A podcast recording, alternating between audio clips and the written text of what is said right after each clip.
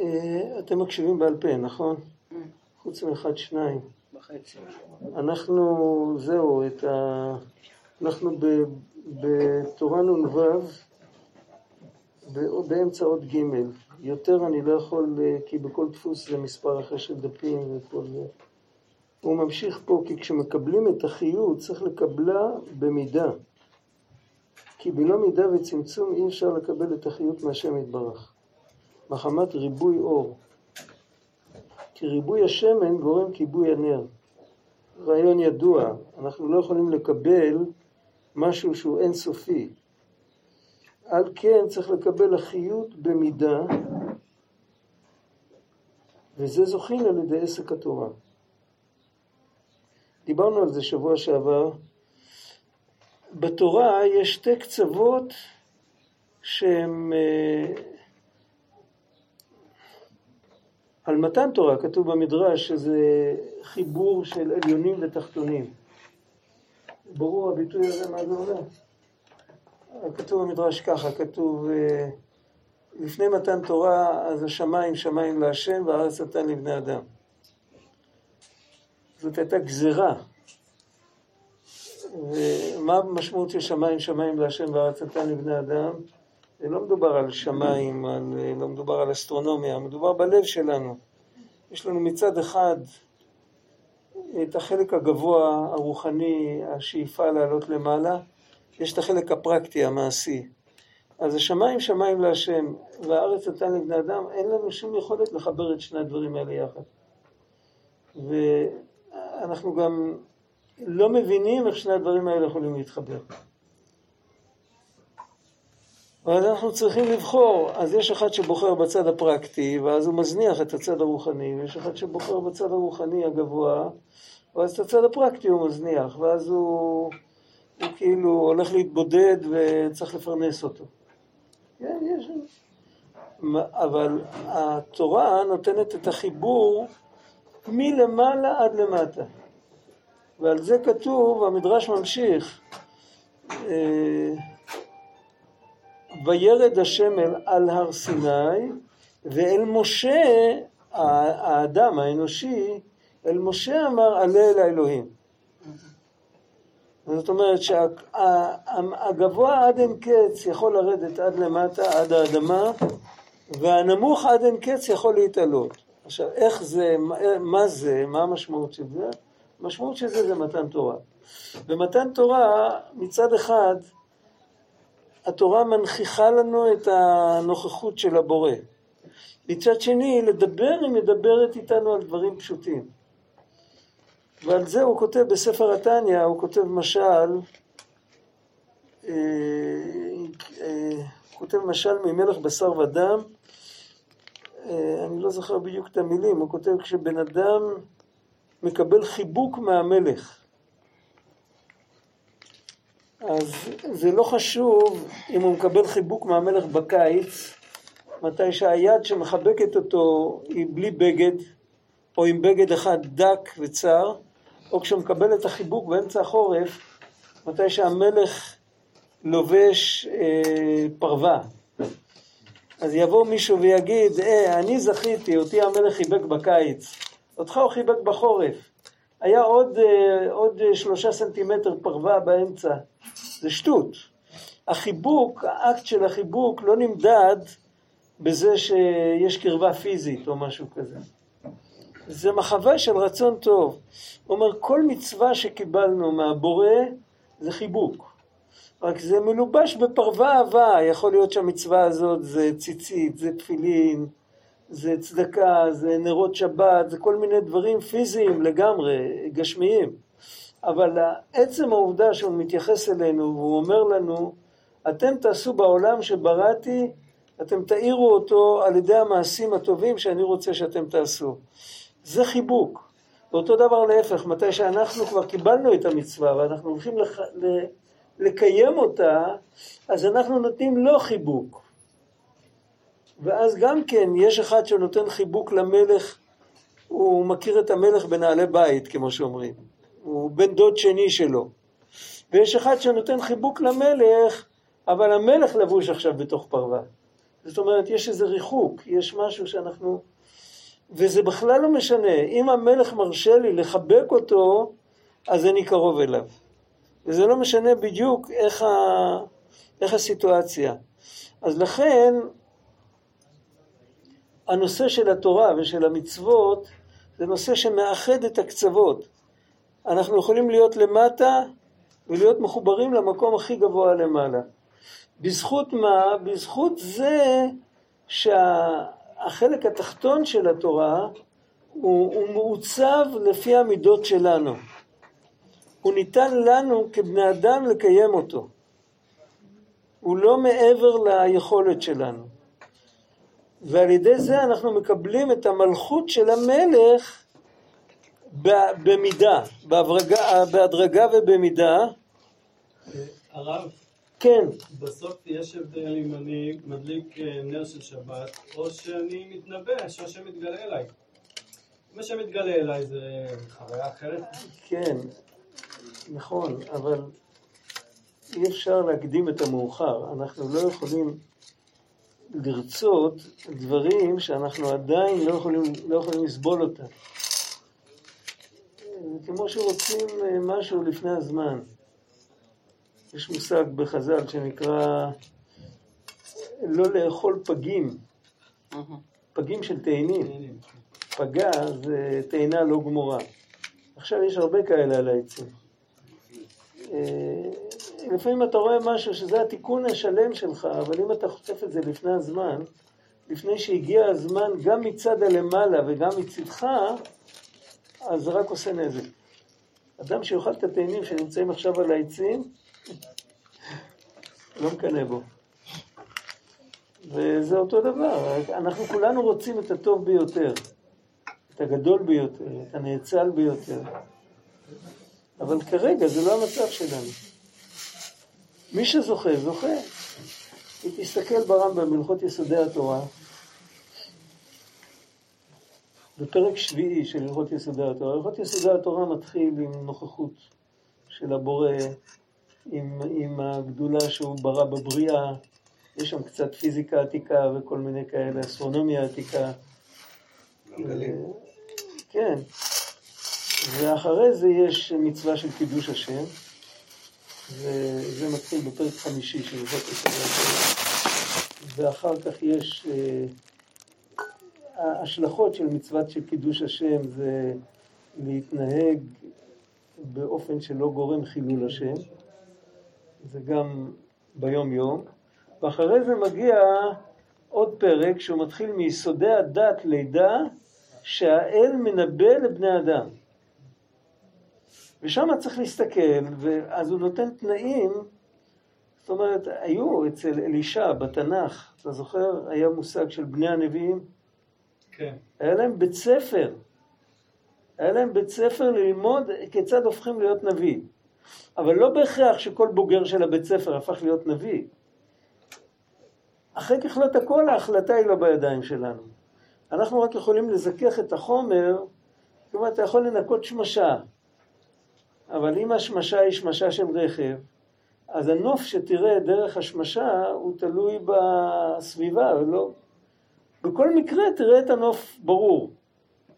ואם הנוף הוא נוף מכוער, אז תראה את הנוף המכוער ברור. אמר לי פעם חבר שהוא הוא פילוסוף כזה, הוא אמר לי, תראה, בן אדם יכול לעשות את כל התרגילים שיש לכל כל אלה שרצו להזדכך וזה, אבל אם הוא לא באמת ישר דרך, אז יכול להיות שהוא באמת טכנית, הוא יזכך את התודעה שלו, שתוכל לקבל מסרים, אבל המסרים יגיעו מהצד, הכ... מהצד הלא נכון. ואז הוא יתבלבל יותר. אז זה חשוב, אבל... הרב, אני רגע בצד אחר. ביום כיפור בשעת נעילה, ביום? ביום הכיפורים בשעת הנעילה, כן. לעומת אה, מצווה ביומיומית. נכון. יש, יש הבדל. נכון שיש הבדל, יש הבדל, ואנחנו, יש לנו בחירה לגרום למצווה שתהיה עם אותה אנרגיה כמו יש, זהו. וזה זה נעשה על ידי נתינת זמן, צריך לתת זמן לזה. אם בן אדם מתכונן כמו שצריך, הוא נותן זמן, הוא יכול להגיע לזה. אבל לא מעבר לזה, הוא לא יכול להגיע ל... לנבואה, לרוח הקודש, דברים כאלה, זה לא תלוי בו. תלוי בו לעשות את ההכנה, אבל מה שיגיע, יגיע. גם בחיים שלנו היומיומיים, אנחנו יכולים לחרוש ולזרוע, ועכשיו לך תביא את הגשם. אתה יכול? זה כבר לא בידיים שלך. בעבודה הרוחנית זה בדיוק אותו דבר. על כן צריך לקבל אחיות במידה, וזה זוכין על ידי עסק התורה. כי התורה היא שמו של הקדוש ברוך הוא, והשם הוא הכלי של הדבר, שבהשם הזה נקבע לחיות של הדבר הזה. כמו שכתוב נפש חיה הוא שמו, שבהשם נקבע לנפש והחיות של כל דבר. השם הוא הכלי. המדרש מספר על אדם הראשון שהמלאכים קטרגו עליו. אמרו, מה כאילו, מה מחפש פה היצור הדו-רגלי הזה בעולם, כאילו, יש, להם היה בראש חלוקה ברורה שכל מה שגשמי, יש את זה היום תפיסה מסוימת בכמה, דת, בכמה דתות, כל מה שגשמי צריך ללכת על ארבע. זה ברור. ומה שרוחני זה נאצל וזה גבוה וזה, כן? אה, תפיסה כזאת היה למלאכים, ואז הם מקטרגים על האדם, ואז הקדוש ברוך הוא אומר למלאכים, חוכמתו של האדם מרובה משלכם. אז הוא מעביר לפניהם את כל בני ארבע רגליים, כל החיות ואת כל האלה, ועושה להם מבחן, הוא שואל אותם, מה לדעתכם איך צריך לקרוא לחיה הזאת, איך צריך לקרוא לבהמה הזאת, איך צריך, צריך לקרוא לדג הזה, הם לא יודעים מה להגיד. הם לא יודעים, הם מבינים שלהמציא שם זה לא בעיה. אבל באמת לכוון ולדעת, יש כאן משהו, שואלים אותם משהו, הם לא ידעו, הם אמרו שהם לא יודעים. הוא העביר אותם לפני האדם הראשון, ואז האדם הראשון אומר, זה חמור, וזה שור, וזה סוס, הוא אומר שמות.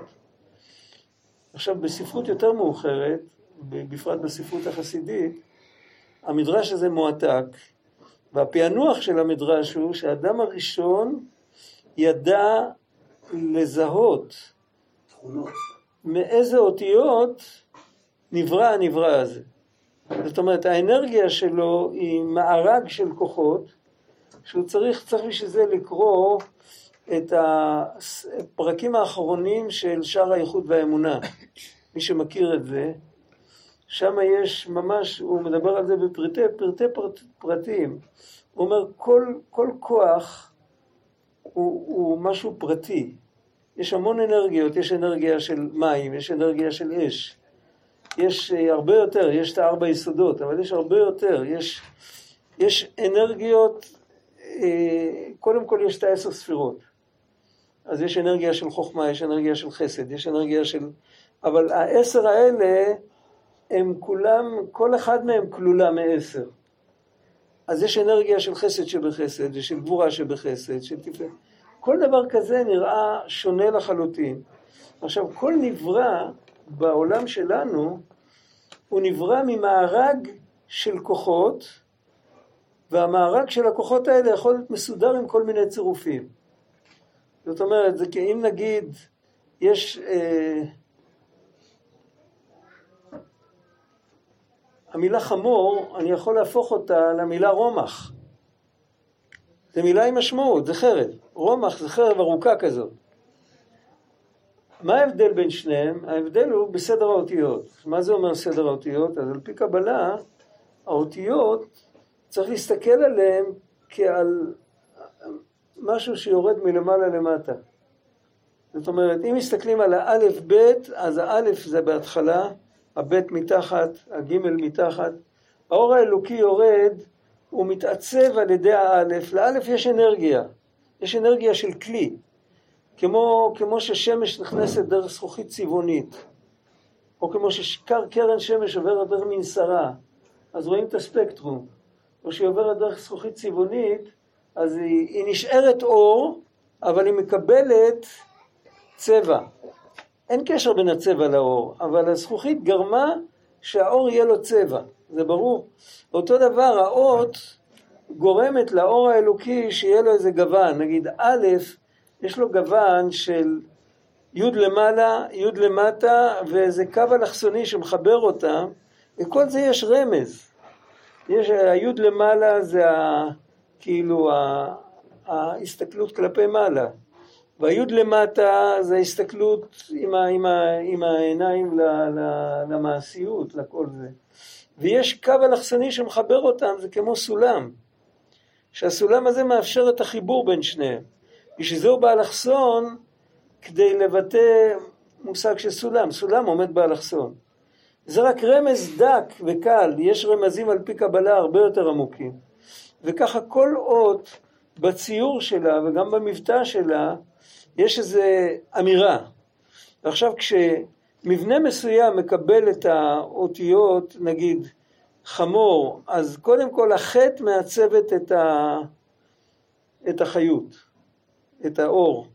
אחרי זה מה שנשאר זה כמו שזה עובר דרך שמשה כחולה, אחרי זה צריך לעבור דרך שמשה אדומה, אחרי זה צריך לעבור דרך שמשה כתומה. יש איזה סדר.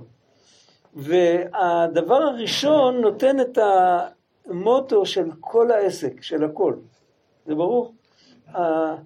האות הראשונה נותנת את האופי הבסיסי של הבעל חי, ואחרי זה זה הכל וריאציות. או, החפץ. נגיד הרומח מתחיל עם האות ר', החמור מתחיל עם האות ח'. האות ר' יש לה, היא גם ההתחלה של המילה רע, כן? אבל גם השם ראובן מתחיל עם האות ר'.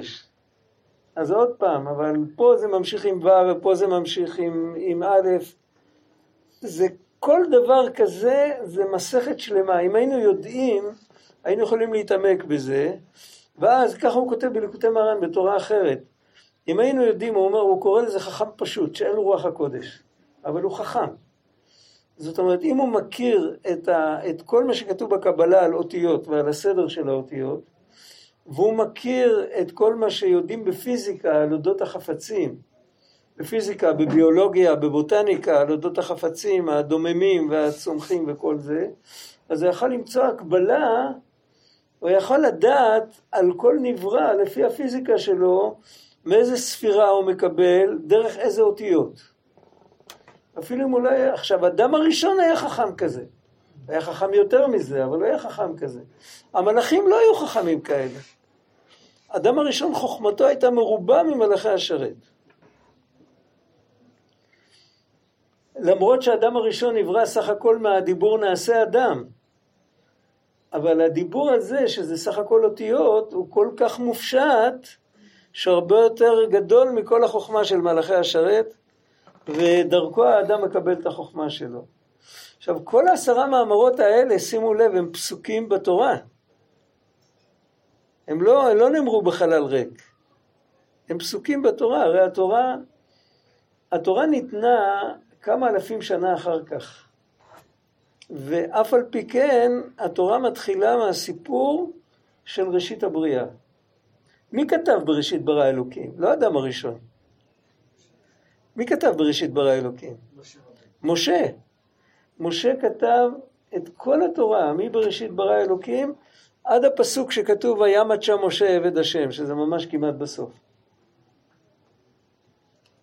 אז משה מספר לנו את הסיפור של הבריאה. למה? כי חשוב שהסיפור של הבריאה יהיה חלק מהתורה. רש"י בתחילת, ה... בתחילת החומש, הוא שואל, למה התורה מתחילה מהסיפור של הבריאה? שיתחיל מהמצווה הראשונה שנצטוו ישראל. והרמב"ן שואל עליו, איך אפשר לדלג את סיפור הבריאה? זה, זה עיקר אמונה, איך אפשר, מה אתה רוצה שיתחילו, שידלגו את כל הסיפור העמוק הזה? אז הסבירו תלמידיו של רש"י, שרש"י לא התכוון שידלגו את זה, אלא שיוסיפו את זה בחוברת נפרדת כהקדמה לחמישה חומשי תורה. שכל ספר בראשית, עם כל הסיפורים שלו, שזה יהיה חלק, לא יכתבו את זה בתוך, ה, בתוך הספר תורה, שיכתבו את זה במגילה נפרדת, כמו שמגילת אסתר היא מגילה נפרדת, וכשיגיעו לספר תורה ילמדו תורה, ואת הסיפורים יעשו בנפרד. והקדוש ברוך הוא ציווה למשה שזה יהיה חלק מהתורה. מה המשמעות של זה? המשמעות של זה שברגע שזה חלק מהתורה, אז יש לזה את הכוח של המחבק את המלך שדיברנו קודם, את הכוח של למעלה עד אין קץ, תורה היא קדמה לעולם והיא קדמה לכל העולמות, שני דברים קדמו לעולם כתוב, התורה וישראל. התורה קדמה, כתוב שישראל קדמו עוד לפני התורה. אבל על כל פנים התורה קדמה לכל העולמות. אם, אם כל הסיפור של מעשה בראשית היה סך הכל הקדמה לתורה, אז היה ספר היסטוריה. זה כמו שאומרים אה, תיאור רקע לקראת מתן תורה. ברגע שזה חלק מהתורה, אז זה מספר לנו שבכל נברא יש את הכוח של התורה. מה אנחנו כל כך צריכים לדעת שבכל נברא יש את הכוח של התורה? שבכל אחד מעשרה מאמרות, כל, כל, גם, בעצם כל שם של נברא בלשון הקודש, הוא בא איכשהו מעשרה מאמרות. אם הוא לא כתוב במפורש בעשרה מאמרות, אז הוא, אז הוא כתוב ברמז. הוא כתוב בחילופים, בתמורות, ב, בספר יצירה, יש על זה, בסוף הספר יצירה, יש, יש, אה, יש איזה כמה נוסחאות. כל הספר יצירה יש לו כמה נוסחאות. יש שם עמוד שלם עם חילופי אותיות, עם 231 סוגים של א' ב'ים, איך שאפשר להחליף אותיות אחד, אחד על השנייה. זה, זה מבנה מתמטי עמוק, ו, וזה, בעזרת הלוח הזה אפשר לראות, מה? אפשר בעזרת הלוח הזה לראות את, את כל השמות של כל הנבראים בעולם בתוך, עשרת, בתוך עשרה מאמרות. אבל מאוד חשוב שגם הנברא האחרון, גרגיר חול, שיהיה לו מקום בתורה. מה, למה זה חשוב? זה חשוב קודם כל כי הוא צריך לקבל את האור של התורה. התורה ניתנה לעשות שלום בעולם, לחבר לא רק בני אדם לאלוקים, אלא לחבר גם את גרגירי החול לאלוקים.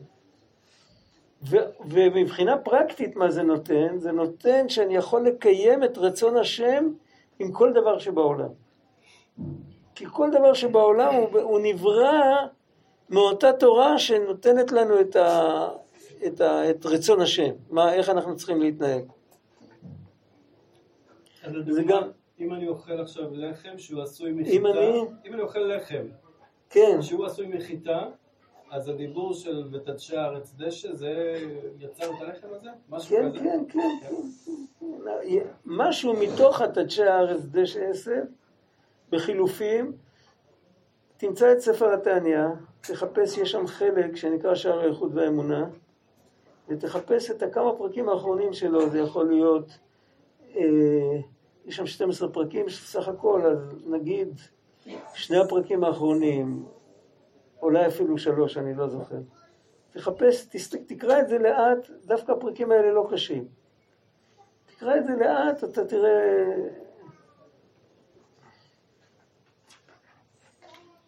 זה ממש ככה, כמו, שהצ... כמו שהצגת את זה. עכשיו, זה גם, זה מה שנותן לי, כשאני אוכל את הלחם, שאני לא אהיה בגדר של וישמן ישורון ויבעט. שהלחם לא יוריד אותי. כי הלחם עצמו יש בו קדושה. רק מה זה אופציונלי.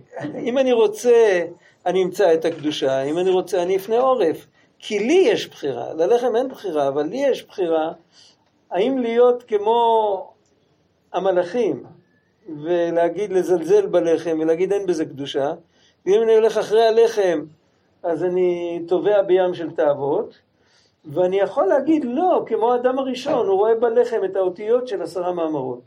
עכשיו, מה שמשתלשל מהמלאכים, מאותו קטרוג של המלאכים שהם זלזלו באדם, משתלשלים כל הקטרוגים בעולם. כל פעם שבן אדם מקטרג על עצמו, בתוך המוח שלו, הוא חושב אני לא שווה, אני לא ראוי, אני טמא, אף אחד לא אוהב אותי, כולל האלוקים שברא אותי. הוא מחזיק אותי רק מכוח, האנר... מכוח האנרציה, הוא בעצם היה מוותר עליי מזמן. זה הכל התלבשות של קטרוג המלאכים. עם אותו כוח שקיבלנו ללמד זכות על אדם הראשון, בסיפור הזה במדרש, האדם הראשון יכול למצוא את האותיות, הוא יודע מה יש בתוך החמור ובתוך השור, הוא מוצא את האותיות, את האנרגיה האלוקית. עם הלימוד זכות הזאת אנחנו צריכים להתחיל להסתכל על העולם ולזכור שיש בכל דבר אלוקות. וכשאנחנו זוכרים שיש בכל דבר אלוקות, גם, ב, גם בנו וגם בכל המעברים שעוברים עלינו, אז אנחנו מזיזים הצידה את הקטרוג באותה שיטה, כמו שהאלוקים בעצמו הזיז את הקטרוג של המלאכים. אותו דבר אנחנו עושים את זה בווריאציה בפרטיות שלנו. זה פחות או יותר העניין. אבל כדי שכל זה יתממש, התורה צריכה להיות כתובה בלשון בני אדם, בשפה פשוטה. לא, לא נתנו לנו חמישה חומשי תורה עם, עם כל מיני עניינים גבוהים וכל מיני, כתוב שם, כל מה שכתוב מדובר על הרובד הפשוט ביותר של החיים. זה מה שמחבר אותנו. הרב אה, הרי רבותינו אומרים תורה מתשת כוחו של אדם, איך זה, מתח... איך זה מתקשר? התורה מתשת כוחו של אדם, וכשבן אדם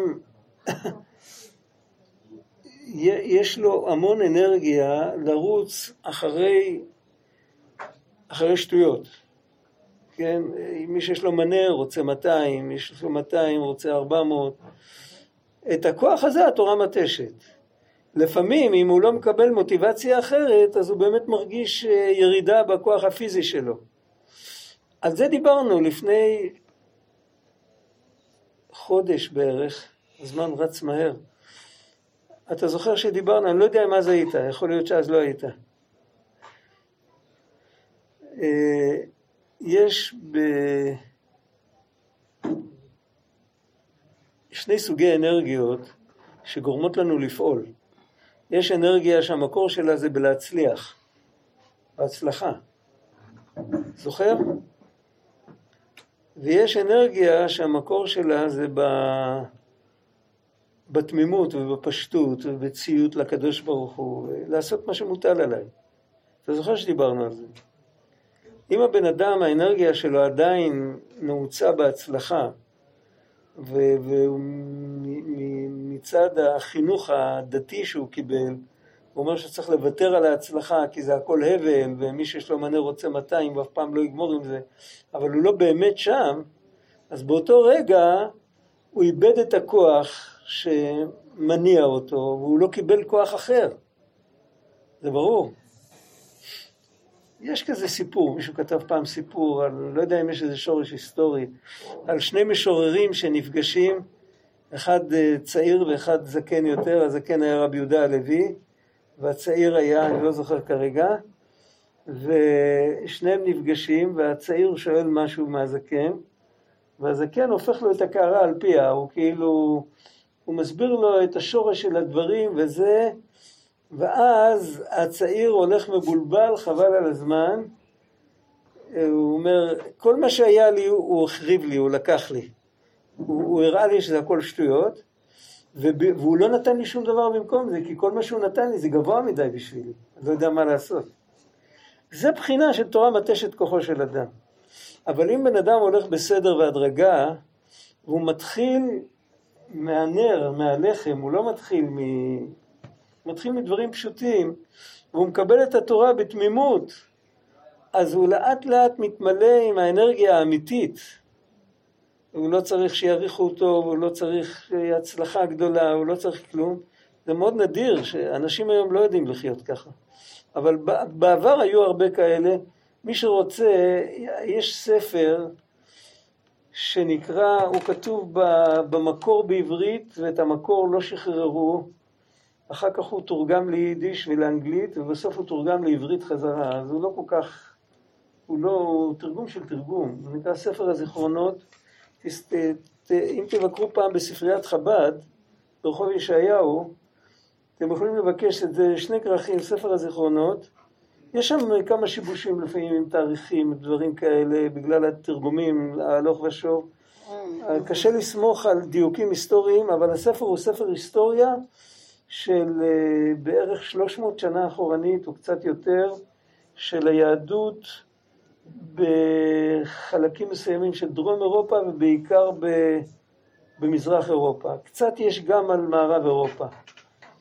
וזה בעצם, זה כתב אותו האדמו"ר רבי יוסף יצחק, האדמו"ר הקודם מחב"ד, הוא כתב אותו במו ידיו על סמך רשימות של הסבתות שלו. היה לו סבתות מאוד תרבותיות שהן רשמו את המסורות של המשפחה.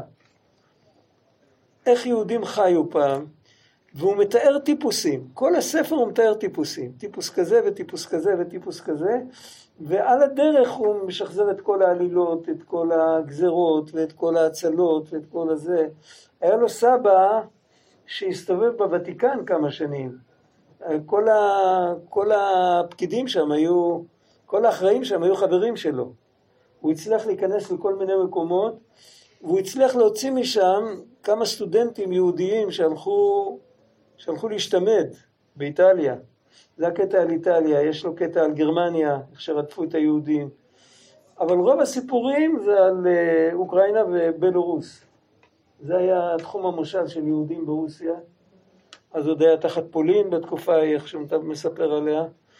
הוא מספר ניסים ונפלאות, לא ניסים ונפלאות של אה, אינקרניים כאלה, של למעלה מהטבע, אבל על אנשים פשוטים שהמוטיבציה שלהם בכלל לא נבעה ממה שאנחנו, כאילו, הוא מציג אלטרנטיבה לתרבות שלנו. אנשים מאוד פשוטים, אנשים קשי יום, חקלאים, נגרים, נפחים, שהמוטיבציה שלהם הייתה לעשות נחת רוח להשם יתברך, להועיל לעם, להועיל לקהילה, בלי שאף אחד ידע, בלי שאף אחד יגיד להם תודה, כלום. אם הם נתנו צדקה, הם נתנו באופן כזה שאף אחד לא ידע מי נתן ואף אחד כאילו... ואם הם עזרו למישהו אז הם השתדלו לעזור לו שהוא לא יראה שעזרו לו, כל מיני דברים כאלה. זה מעניין, ו- וזה סיפורים אמיתיים, זה הפלא הוא, אם סופר היה כותב את זה הייתי אומר שזה ספר מוסר. אבל שם זה סיפורים אמיתיים שעברו במשפחה. יש שם את כל, ה- את כל ההיסטוריה של המהר"ל מפראג, הוא היה ראש המשפחה שלהם. שבע דורות, אה, לא, ארבע עשרה דורות לפניו, היה אבא של אבא של אבא של אימא של אבא, אני לא יודע בדיוק איך זה עבר, היה מהר"ל מפראג, אז הוא כותב שם, אין שם מילה אחת על הגולם דרך אגב. מילה אחת, לא ברמז אפילו.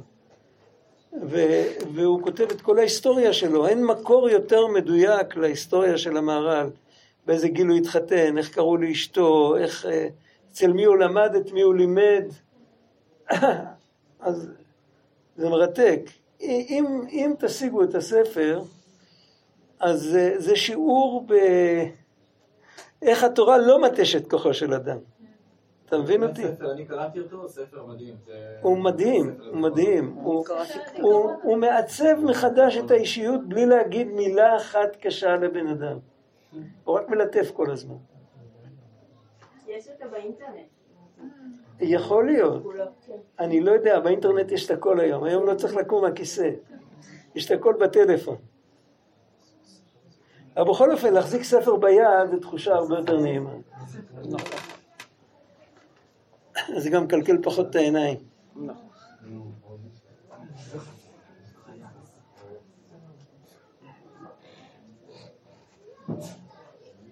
עכשיו בוא נראה עוד פעם, התורה היא שמו של הקדוש ברוך הוא, דיברנו על שמות, הקדוש ברוך הוא נתן גם לעצמו שם. מה זה המשמעות של השם הזה? והשם הוא הכלי של הדבר. בעצם האלוקים בעצמו אין לו שם. זה לא מתאים שיקראו לו בשם, כי שם נותן איזושהי הגדרה, ואין לו הגדרה. אבל הוא מרשה לנו לקרוא לו בשם, כדי שיהיה לנו איך לפנות אליו. שבשם הזה נקבע לחיות של הדבר הזה, ועל זה אמרו חז"ל שכל התורה שמותיו של הקדוש ברוך הוא. אז קודם כל הוא מדבר איך שזה בנבראים, כמו שכתוב נפש חיה הוא שמו, שבנפש נגבל, בהשם נגבל הנפש והחיות של כל דבר, ועל כן כשקוראים את האדם בשמו, הוא מזומן תכף אצלו, מחמת שבהשם נגבל כל הנפש והחיות שלו. כשקוראים לו אדם בשמו הוא יותר מקשיב, הוא יותר מאזין. זו עובדה.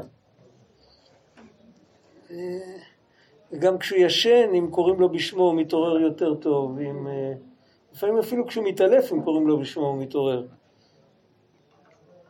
אותו דבר כמו שזה קורה עם שם של אדם, וכן התורה היא שמו של הקדוש ברוך הוא, היינו ששם מוגבל החיות, נגבל החיות מחיי החיים.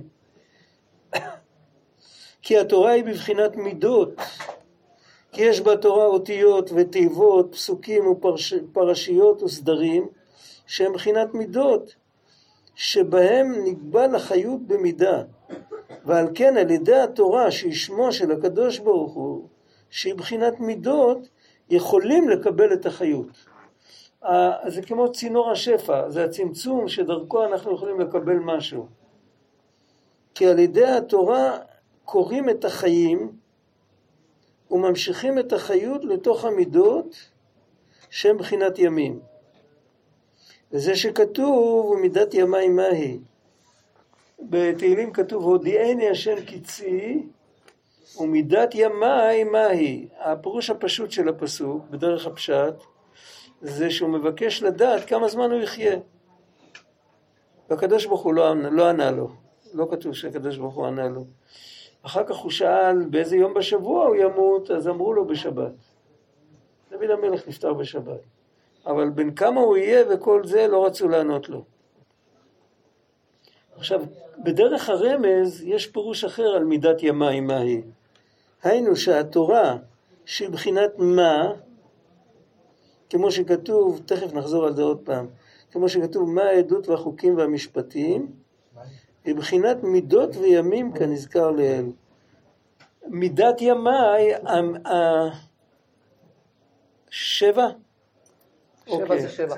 נשאיר את זה פעם אחרת. ו... בסדר, אוקיי.